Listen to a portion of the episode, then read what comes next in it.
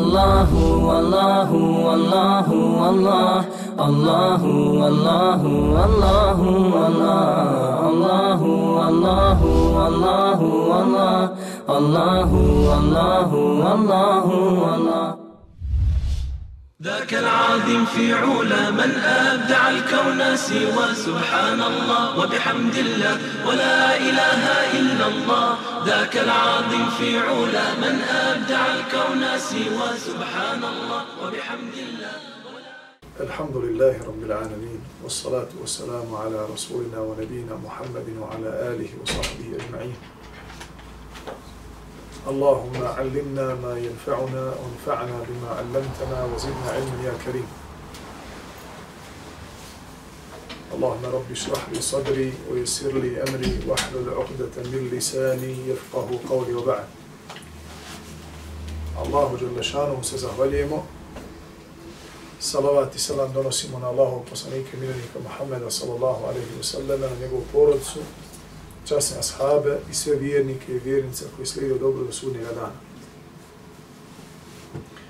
Došli smo do hadisa od Ebu Hureyra radijallahu anhu, da je čuo Allahov poslanika sallallahu alaihi wasallam da je rekao La tunza'u rahmetu illa min šaqih.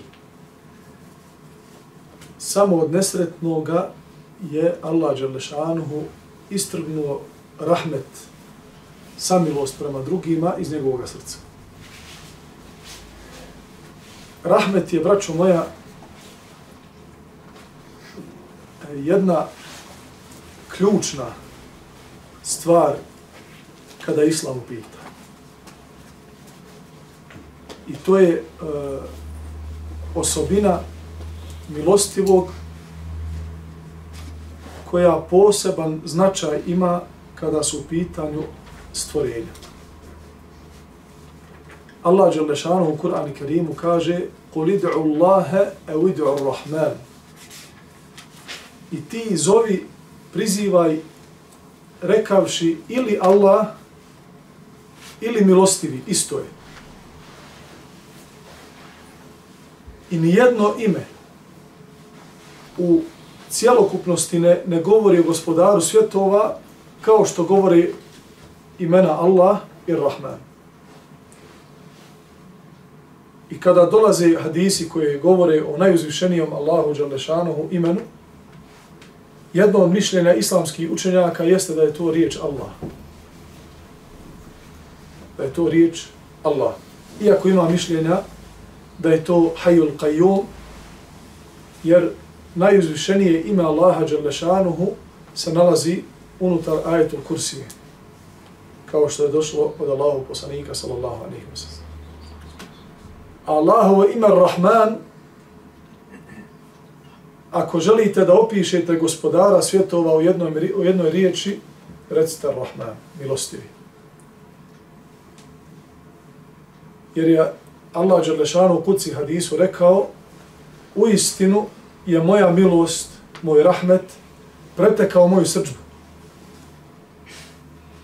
I sve što vidite na ovome svijetu, i sve ono što ne vidite, i vidljivi i nevidljivi svijet, sve se to obdržava, hrani, opstaje, savršeno funkcioniše, samo zbog jedne Allahove subhanahu wa ta'ala osobine, a to je milost.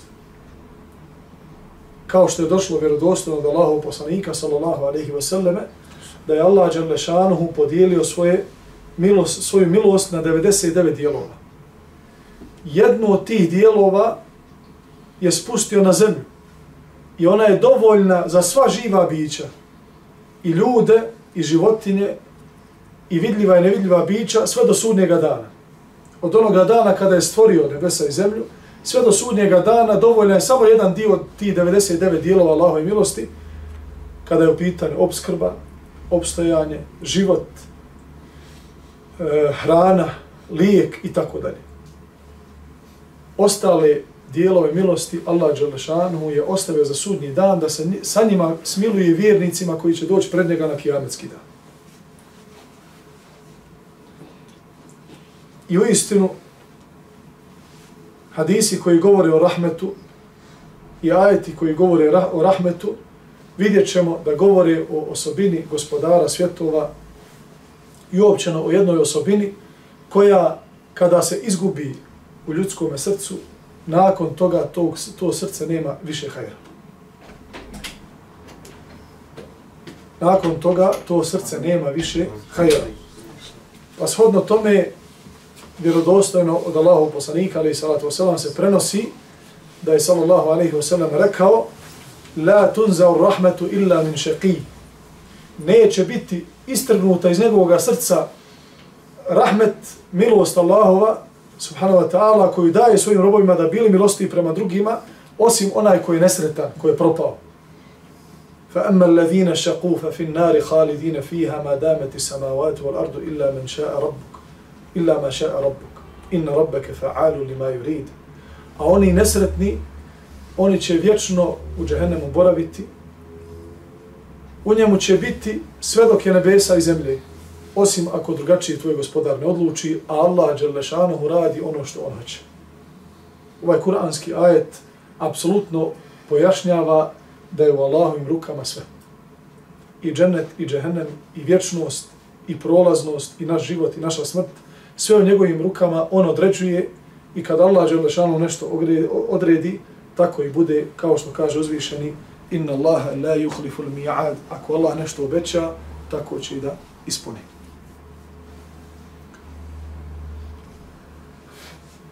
U drugom hadisu od Džarira radijallahu anhu, od Allahu poslanika sallallahu alaihi wa sallam, se prenosi da je rekao Men la jarhaman nase, la jarhamuhu Allah. Sada imali smo opći jedan hadis koji govori o rahmetu uopće. Drugi hadis govori o rahmetu prema ljudima. Gdje kaže Allah, poslanik alaihi sallatu wasalam, onaj ko ne bude milostiv prema drugim ljudima, neće mu se Allah Đalešanom smilovati. I ovo je osnova kada je u pitanju, braćo moja, odnos gospodara svjetova sprem nas ljudi, jeste da Allah Đalešanuhu gleda u naš odnos prema drugima. I kako se mi budemo prema drugima obhodili, najvjerovatnije da će se gospodar svjetova prema nama tako obhoditi. Od Enes ibn Malika, radijallahu anhu, se prenosi, kaže, najmilostiviji prema nekome je bio Muhammed sallallahu alaihi wasallam prema svojoj porodici. U jednom selu na domak Medine, alaihi salam je imao sina. Imao sina koga? Ibrahima. Zašto je bio na domak Medine Ibrahim, a nije bio unutar Medine? Zato što mu je majka bila, ko? Marija. Marija koptkinja koja je došla iz Egipta da živi u Medini. Egipat, kao većina sjevernoafričkih zemalja, ima vegetacije daleko više nego što to ima arapski poluotok, pogotovo Medina, grada Allahov poslanika, ali sato sam, koja je poznata po 0% znači, onaj, vlažnosti zraka. Skroz je suh zrak, tako da vegetacija u Medini gotov, pa i ne postoji osim neki mali grmići, to sve ono što može da izdrži u pustini na, na takvim niskim, vlažnim onaj, okolnostima. Pa Allah, poslanik sallallahu alaihi wa sallam, htio da Mariji približi malo e, atmosferu koju je imala i od koju je odrastala kada je živjela u Egiptu. Pa je smjestio na domak Medine gdje je imalo malo vegetacije, gdje je bila jedna oaza. Pa je napravio kuću blizu te oaze da se ona opet koliko toliko lijepo, lijepo osjeća. I tu mu je ona rodila sina Ibrahima, koji je tada bio još dojenče. Otac žene koja je dojela Ibrahima, a.s. Otac je bio kovač. Pa je Allah poslanik, a.s. i to je bilo poznato kod Arapa, da su Arapi davali svoju djecu u sela dojiljama i plaćali im za to da dijete što čvršće i što jače izađe nakon što prestane sa dojenjem. Jer su žene koje žive na selu u većoj prilici da se zdravo hrane nego oni koji su to u gusto naseljenim mjestima kao što su gradovi i tako dalje. Pa su Arapi još, još onaj, e, svoju malu djecu dok su dojenčad bile odvodili u sela, davali e, za najam e, dojiljama novac ili kako se dogovore u, u trgovačkoj robi i onda bi svoju djecu nazad ponovo uzimali u svojim kućama kada bi završio vrijeme, vrijeme dojenja. Tako je radio Allah poslanik sallallahu alaihi wasallam sa svojim sinom Ibrahimom. I onda bi svake sedmice odlazio, odlazio Allah poslanik alaihi salatu wasallam kod svoga sina Ibrahima da ga obiđe u to selo i njegov sin bi vazda se čuo na dim.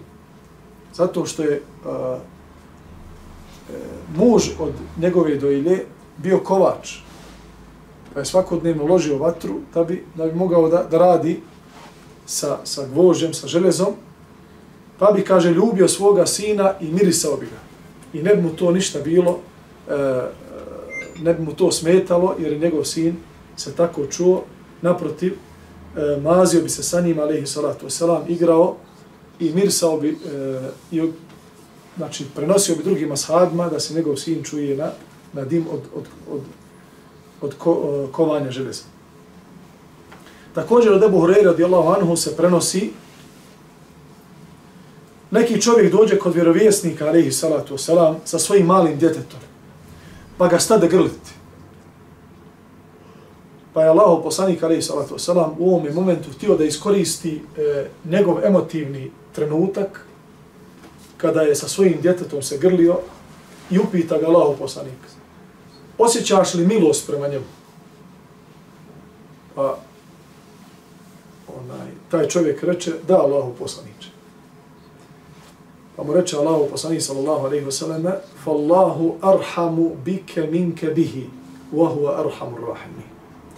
U istinu je Allah Đalešanuhu milostiviji prema tebi, nego što si ti milostiv prema njemu. I u istinu je Allah Đalešanuhu od milostivih najmilostiviji. Davno je rečeno kada bi ljudi znali šta piše u knjigama kadara, bili bi zadovoljni sa svim onim što im Allah Želešanu hudatne. Sviđalo se to njima u ovome trenutku ili ne. Ponekada ono što nas pogodi od kadera, sviđa nam se. I to nam bude milo i drago. A postoji velika mogućnost da to nije dobro po nas. A nekada nas pogodi nešto od kadera što nam je mrsko. I to ne volimo. I kada bi bili upitani da li bi volio da se to tebi desi, ti bi rekao jednom riječu ne. A možda je to dobro po nas. Dokaz za to su riječi uzvišeno u suri Al-Baqara وَعَسَا أَن تَكْرَهُ شَيْئًا وَهُوَ خَيْرٌ لَكُمْ To je najveća stvar koju kada vjernik svati u svome životu, podliježe jednom posebnom principu odnosa prema svome životu, a to je da je zadovoljan možda nešto prezirete, a to je dobro po vas, Wallahu ja'lamu wa antum la ta'lamun. Allah zna, a vi ne znate. Šta Allah zna? Allah zna da ono što možda prezirete, Allah je to odredio vama kako bi vam dobavio korist, a ne štetu. Wa antum la ta'lamun, a vi ne znate ono što je Allah unaprijed zapisao.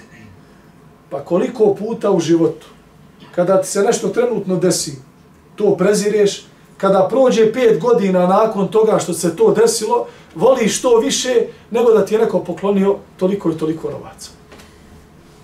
Voliš to više nego da ti je neko poklonio toliko i toliko novaca. I to se vjerniku dešava kroz njegov život. Šta je poruka ovog dijela svatanja e, Allahovog propisivanja kadara ljudima, jeste da budeš zadovoljan s onim što ti Allah dao i da budeš svjestan da ono što te je pogodilo nikako te nije moglo promašiti pa makar ti se spremao za taj dan. وَمَا أَحْتَأَكَ لَمْ يَكُنْ لِي أُسِيبَكَ I suprotno toga, kada bi se pripremao cijeli život, da ono što ti Allah Đalešanuhu odredio u kadru da te pogodi, pripremao se da to zaobiđeš, upravo onda gdje bi ti ušao u tu rupu, da se sakriješ da to zaobiđe, tu bi te to snašlo. Pa ako si vjernik u Allaha, ako si mu pokoran, i ako se nadaš njegovom oprostu, i vjeruješ u njegovu milost, šta god da te pogodi, pa makar tebi bilo mrsko, budi zadovoljan sa tim, Allah će ti dati u tome hajr.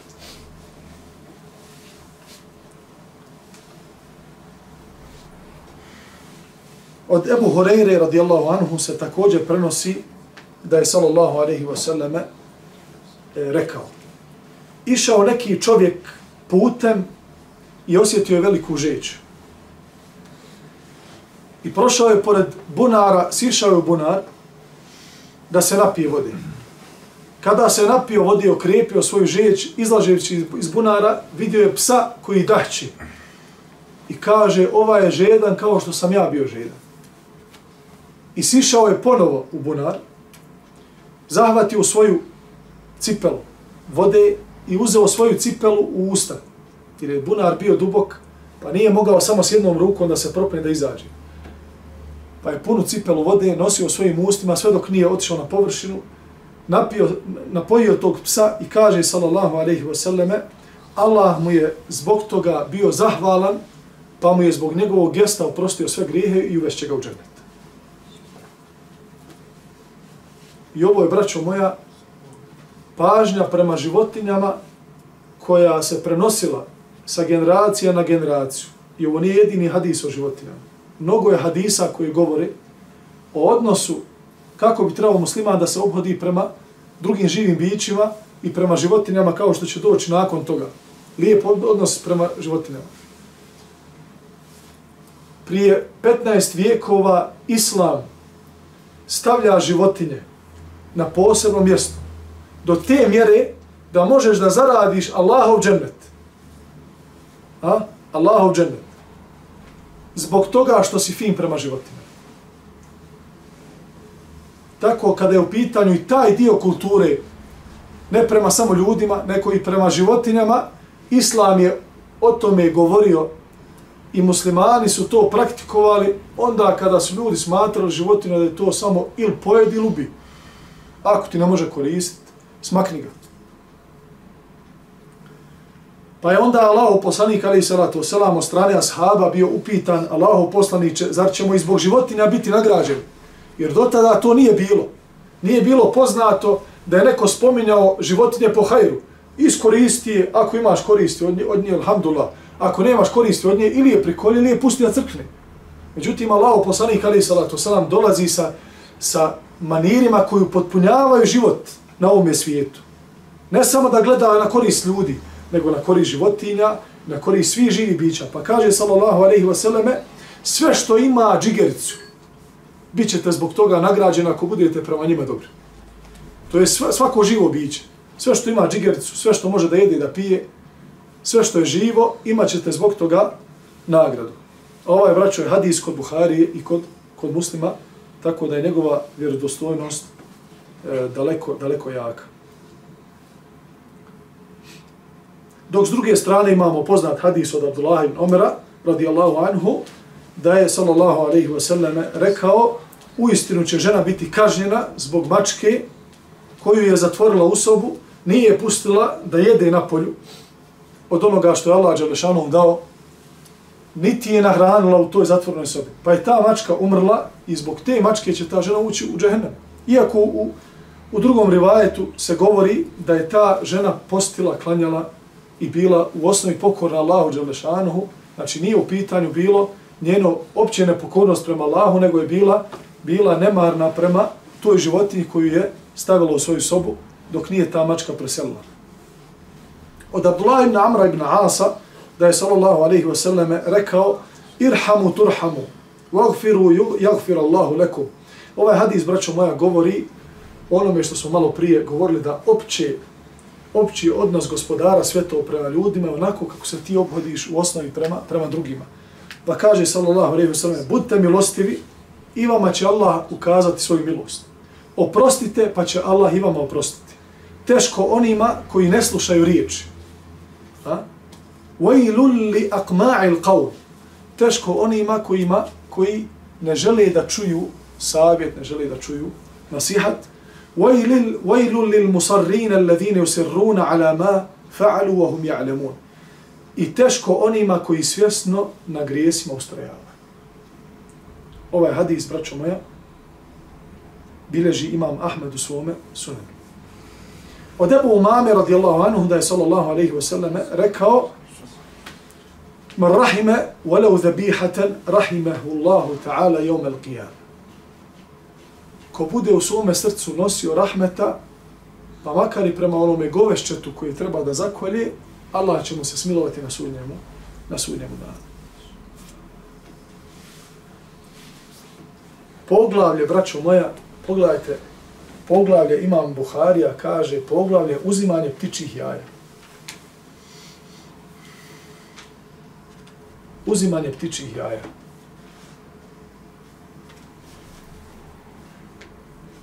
Zamislite kolika je kultura zavladala arapskim polotokom.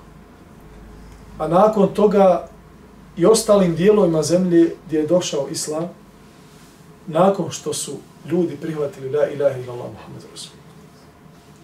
Ništa ovo pokvarno čovječanstvo i ove poremećene vrijednosti, šta vrijedi i šta ne vrijedi, danas je to i tekako poremeteno. Ništa ih ne, ne može vratiti pravim vrijednostima do la ilaha illallah Muhammedu Rasulullah.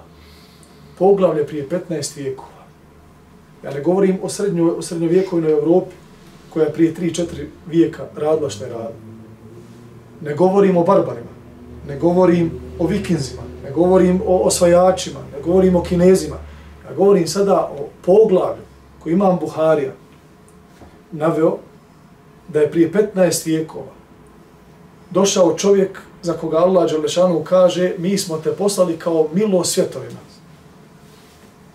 i viđa pticu na grani koja je uznemirena koja leti oko drveta, sleti u svoje gnijezdo pa pijuče i onda ponovo vrti se oko drveta. Kaže sallallahu alejhi ve ko je ovu pticu znemirio? Pa kaže jedan ashab, ja sam uzeo njeno jaje, će čovjek da jede. Kaže, gdje ti je jaje? Kaže, kod mene. Uzmi to jaje i vrati u, u gnjezdo i smiri je rahmetan biha. I budi milosti prema njoj. Jaje tiči. Životinje koja nema razuma mala jedna ptičica. Ha, bila ona, ha, ne bila ona, bila uznemira, šta mene briga, uzmem jaje, i je, ne, ne. Uznemirio si pticu, idi je smiri. Ovim Allahu poslanik sallallahu alejhi ve selleme podučava ashabe koji su učili Kur'an kao što ga mi učimo. Isti Kur'an je sada i u doba ashaba. Isti sunnet je danas i u doba ashaba, ništa drugo. Međutim, oni su imali terbijet. Imali su odgoj koji danas većini muslimana fali. Da ima osjećaj. Ne samo, aha, sad je sabah nama, sad je podne, sad je kindija, ja ću ko robot. Ashabi su dobili terbijet, odgoj od Allahu poslanika, sallallahu alaihi wasallame, da osjećaju. Da imaju osjećaj prema drugima. Pa čak i prema životinama pa čak i prema malim mravima, čak i prema onome svijetu koji u osnovi nije, znači, e, taj svijet, kao što su mravi, kao što su žabe, kao što su, ne znam, nija drugi svjetovi. u osnovi mi nismo zaduženi da brinemo o njima. Međutim, Allah, poslanik sallallahu alaihi sallam, kaže, nemojte paliti njivu njiva, nemoj zapaliti. Može se, kaže, naći na njima gnijezdo od brava, a mravi su umet kao što ste i vi umet. Nemojte ubijati žabu, jer žaba svojim kreketom slavi Allah. Haram ti za, ubi žabu. Haram ti zapaliti njivu. Znači, do te mjere da kad hodaš zemljom, da razmišljaš o rahmetu, o milosti. Na takav način kada se rahmet znači, proširi u našim prsima i kada nastani naše srce, tada uz Allahu pomoć, to je veliki alamet da ćeš doći na sudnjemu danu i biti od onih kojima se Allah Đalešanuhu smilovao.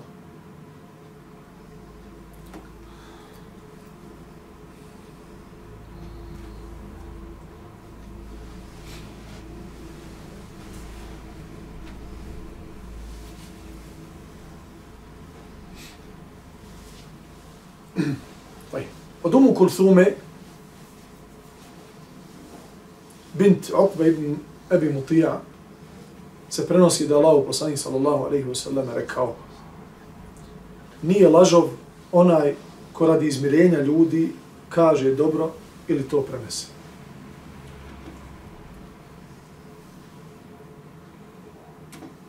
I zatim dalje kaže Umu Kulthum, radijallahu anha, nisam ga čula da je dozvolio laž osim u tri situacije. Izmirivanje ljudi, da muž slaže svojoj supruzi i da supruga slaže svome mužu.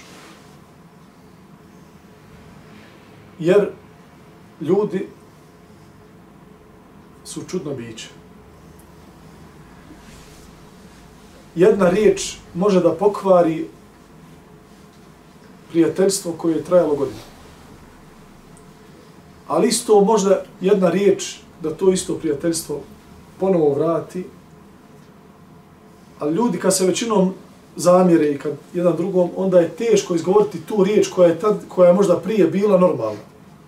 Da mu kažeš da je dobar, da je plemenit, da je ovo. To je tad, lakše ćeš mu izvati onaj plučno krilo na usta nego da ponovo ta riječ ona ispliva. Pa onda onaj ko želi da pomiri dvojicu, ode kod ovoga drugog i kaže, Boga mi te ovaj pohvalio. Šta? Jes kaže, sinoć je sjedio, kaže nekom sjelu, samo o tebi hajr priču. A ovaj nije to priču. I onda u tebi ponovo proradi ono što je bilo prije. Pa se onda smjeli da se pomiri sa svojim bratom muslimanom i lakše ti je prijeći preko A što se tiče muža i žene i žene prema mužu, u istinu to su komponente koje e, su vezane emotivno jedno za druge. Ne postoji emotivnija veza pod nebeskim svodom od veze supružnika. Ta emocija može da ih toliko privuče da postaju da postanu jedno biće.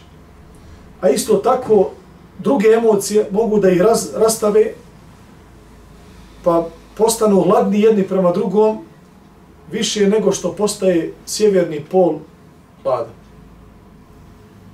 Pa onda u osnovi, zbog te emotivne jake veze između supružnika, ako zbog nečega što je mubah, što je dozvoljeno, uradi jednog supružnika, međutim, ako obavijesti drugu stranu, ta strana neće biti zadovoljna i doće do problema.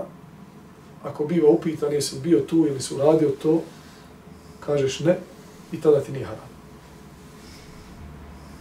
Kako bi sačuvao šta? Mir u kući.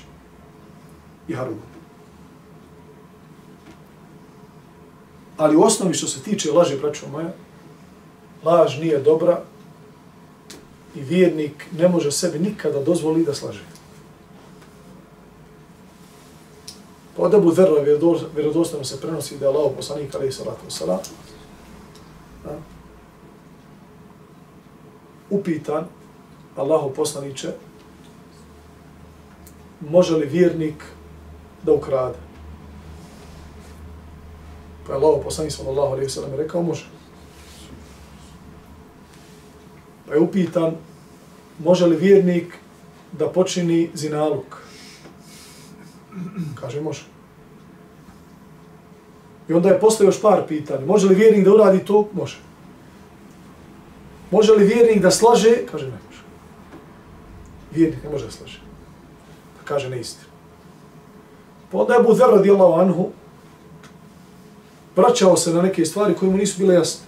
Lao poslaniče, može li vjernik da zinalu kućini? Kaže, može. Lao poslaniče, kaže, može, pa makar bilo krivo, Ebu Zer. Može. Ali na vjerniku je a, da bude svjestan svoga mjesta na ovom svijetu. Da zna da je Allah rob. Da ga Allah Đalešanu stvori. Da ga on obuka. Da ga on nahrani. Da ga on drži u životu. I da on će mu uzeti život onda kada on hoće pa ne gleda da mu uzme Allah Đalešanu život u najboljim stanju. A najsigurnije je da budeš na sigurnom, jeste da si inša Allah ta'ala uvijek u hajru, mesta tate ili se bila onoliko koliko možeš, pa da dobiš Allahu za ono što ne možeš. I onda si na pravom inša Allah ta'ala putu koji vodi ka džennetskim prostranstvima. Kaže sallallahu alaihi wa sallame, govorite istinu jer istina vodi dobro, a dobro vodi ka džennetu. Čovjek će govoriti istinu sve dok kod Allaha ne bude upisan kao istinu ljubivi. Allah te zapiše tamo kao istinu ljubivi, onaj koji voli istinu. I nemojte, kaže, govoriti laž i klonite se laže. Jer u istinu laž vodi ka vatri. I čovjek će neprestano lagati sve dok od Allaha ne bude upisan kao lažljivac.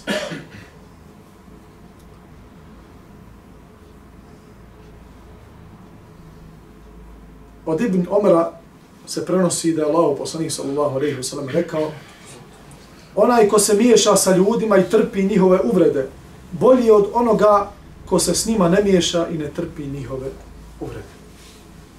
U istinu, nisu vage dobra i zla u našim rukama i onako kako mi to mislimo. Neko će se miješati sa ljudima i slušat će svašta. Čuće i laž, čuće i neistinu, čuće i psovku.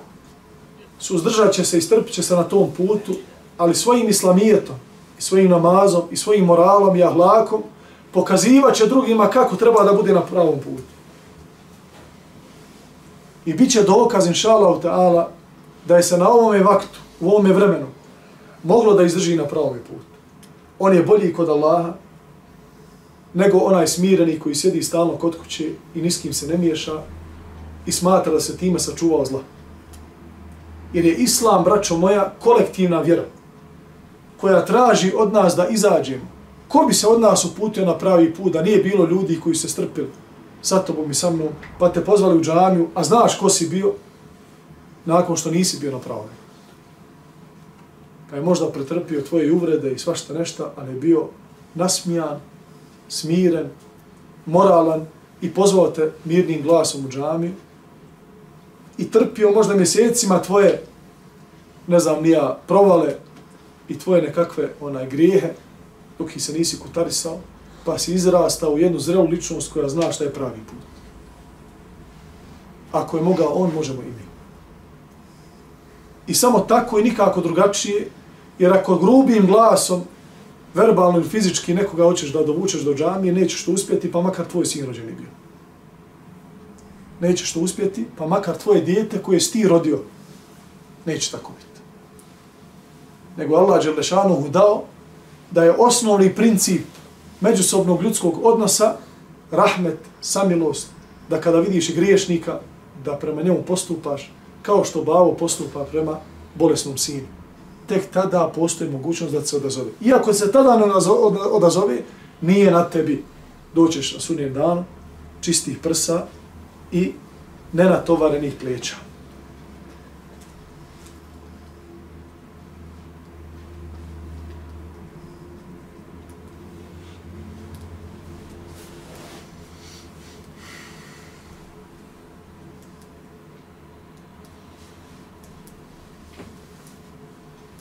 Ako gospodar svjetova, ako gospodar svjetova, moćni, gordi, uzvišeni, onaj koji kaže budi i ono biva šta god bilo, ako on trpi uvrede i ne kažnjava ljude zbog tih uvreda, pa ko smo mi da na, na svaku prvu se upalimo? Kaže sallallahu alaihi wa sallam, niko ne trpi uvrede više od Allaha Đalešana. Oni mu pripisuju dijete a on im daje zdravlje i obskrbu. Allah Đelešanuhu je stvorio Isa alaih salama kao što je stvorio tebe i mene. Pa ako je nadnaravna osobina to što je stvorio Isa bez babe, još veća je narodna, narav, nadnaravna osobina što je stvorio Adema bez oca i bez majke. I zbog toga Kur'an kaže u suri Ali Imran, inna mesele Isa inda Allahi ke meseli Adem. Primjer Isa i njegovog nadnaravnog rađanja je poput primjera Adema. Halakahu min turab, thumma kale lehu kum feku. Allah stvorio Adema od ilovače. Isa, alaih salam, je makar bio u utrovi majke, u materici. Pa se rodio na onakav način kako se rađaju sinovi Ademovi. A Adem se rodio i bez oca i bez majke. Pa čemu onda toliko čuđenje? Da je Isa a.s. nešto drugačije od ostalih ljudi. pa mu ljudi vijekovima Allahu Đalešanuhu bespravno pripisuju sina i drugu i suprugu, a on ih je sve stvorio i povrh toga tim istim ljudima daje zdravlje, daje im obskrbu, daje im djecu, daje im da se vesele, daje im da se naslađuju do određenog roka. Pa kad se Isa a.s. pojavi, kada pred kijametski dan dođe i kada se pojavi pred ljude i kaže ja nisam Allahov sin, kaže uzvišeni Allah, tada neće biti niko od onih koji, će vjero, koji su vjerovali do tada da je Isa alaih salam sin, a da neće ispravno povjerovati u Isa alaih salam.